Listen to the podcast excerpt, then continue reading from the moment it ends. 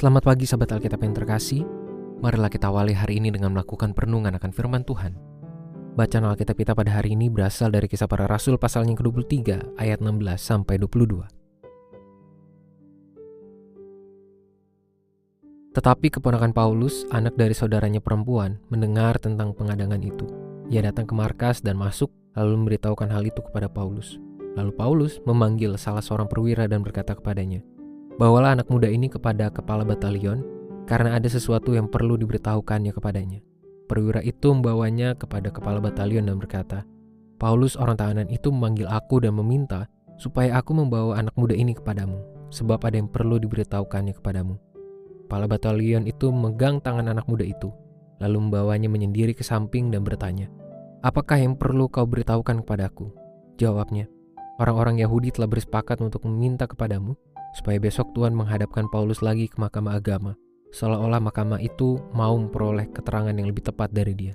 Tetapi, janganlah percaya kepada mereka, sebab lebih dari 40 orang di antara mereka telah siap untuk mengadang dia. Mereka telah mengikat diri dengan sumpah bahwa mereka tidak akan makan atau minum sebelum mereka membunuh dia. Sekarang mereka telah siap sedia dan hanya menantikan persetujuan Tuhan.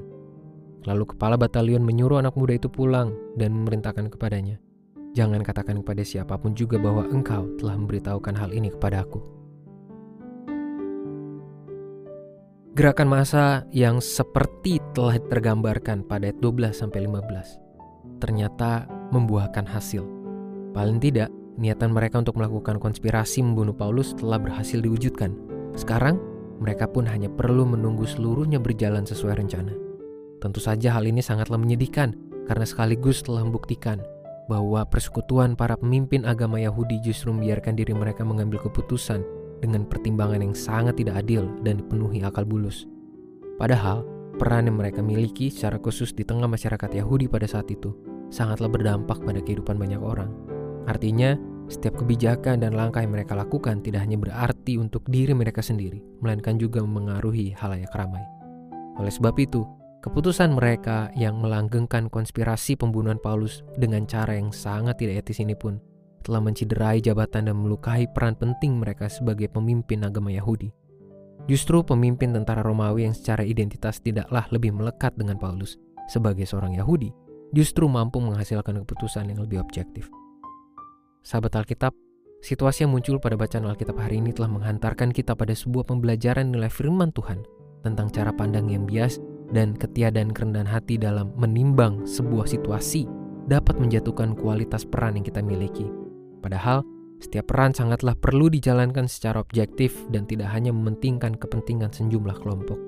Secara lebih luas lagi, kita perlu menyadari bahwa setiap peran yang kita miliki idealnya dijalankan dengan penuh tanggung jawab dan tidak menuruti keinginan diri sendiri. Apalagi dilakukan dengan intensi menghadirkan dampak buruk bagi orang lain kita perlu menjalankan peran dengan kesadaran untuk menjadi berkat, entah di dalam keluarga, gereja, lingkungan pekerjaan, maupun dalam ruang relasi lainnya.